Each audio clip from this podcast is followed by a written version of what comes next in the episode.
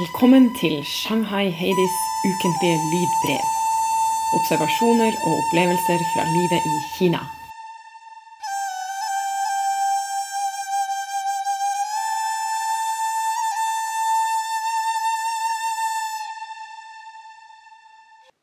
Leiligheten min her i Shanghai har ikke balkong, noe jeg savner veldig. Men midt på dagen treffer solen rett på stuevinduene, og vinduskarmen er bred nok for datamaskinen min. Så når været er fint, åpner jeg vinduene og henter barkrakken fra kjøkkenet. Den er i akkurat riktig høyde, så jeg kan sitte ved vinduet og skrive. Slik får jeg balkongfølelse på mitt hjemmekontor.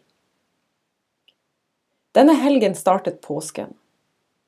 Her i Kina ble en annen høytid markert. Qingming. På lørdag vil jeg skrive om denne helligdagen.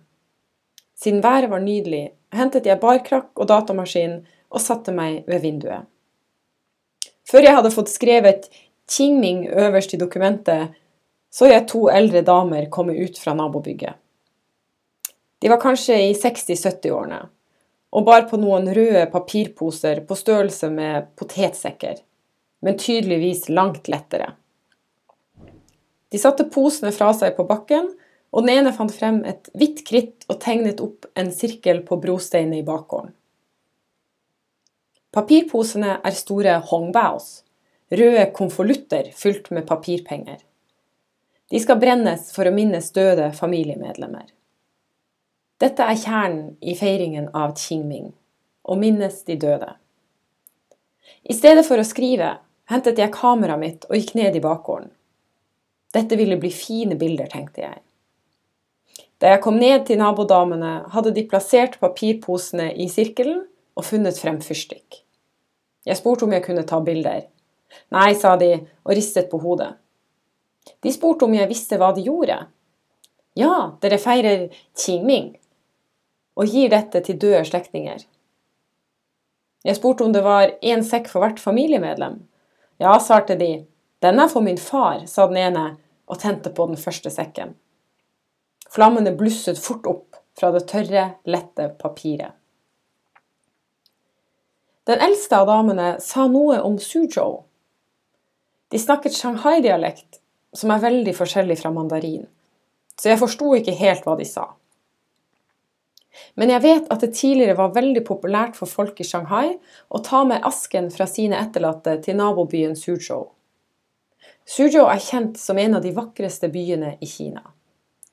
Et kinesisk ordtak sier.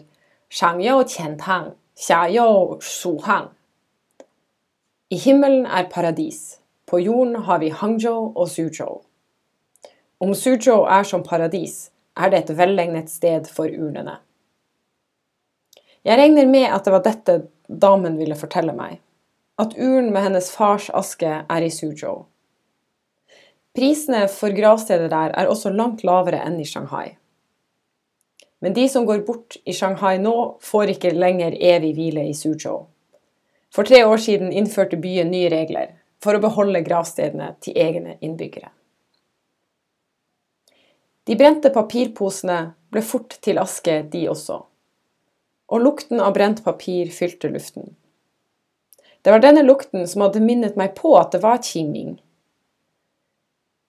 Jeg hadde merket det da jeg sto opp, så jeg kikket ut av vinduet for å se hvor den kom fra.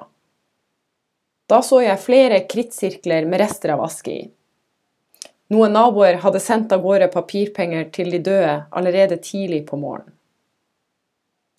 På engelsk kalles Qingming Tomb Sweeping Day. Man skulle besøke sine døde forfedre og stelle graven. Om man ikke har mulighet til å reise, kan man minnes de døde hjemmefra ved å brenne slike papirpenger.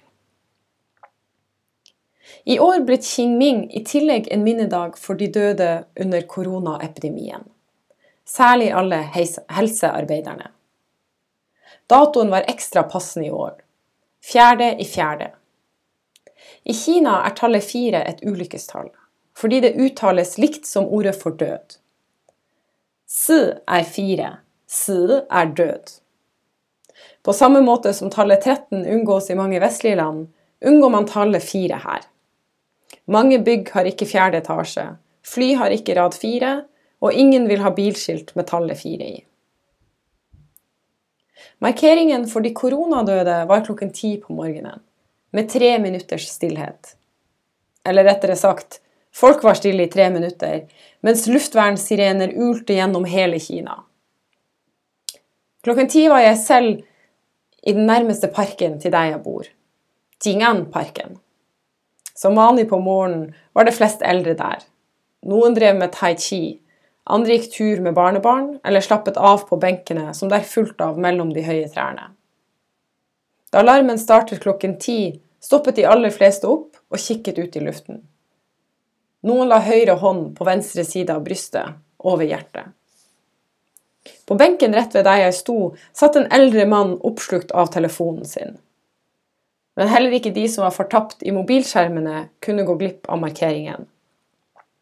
De aller fleste kinesiske apper, netthandel, nyheter og musikkstrømming fjernet fargene fra bildene, så alt var grått hele dagen. Jeg regner med at mange tenkte på kjente i Wuhan, eller på den harde innsatsen til alle helsearbeiderne der.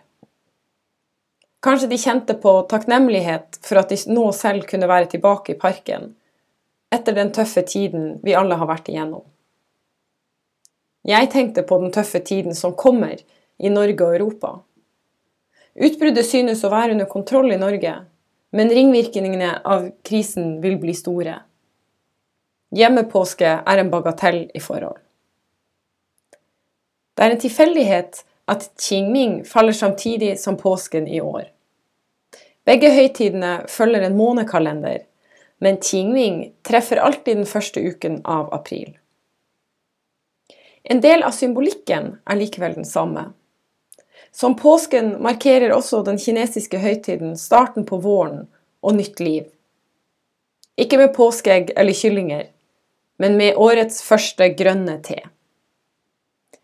Jeg håper påsken i år vil markere en oppstart av Norge igjen. Som her i Kina vil det måtte skje gradvis, men forhåpentligvis har man nå viruset under en viss kontroll. Dersom jeg hadde blitt sittende i vinduet og sett på nabodamene, kunne jeg tatt noen fine foto av sekkene som brant der oppe fra utkikksposten min. Men det ble ingen digital dokumentasjon eller lagring av bildene denne gangen. Det får bli med et lydbrev skrevet fra vinduskarmen, med vårsolen i ansiktet.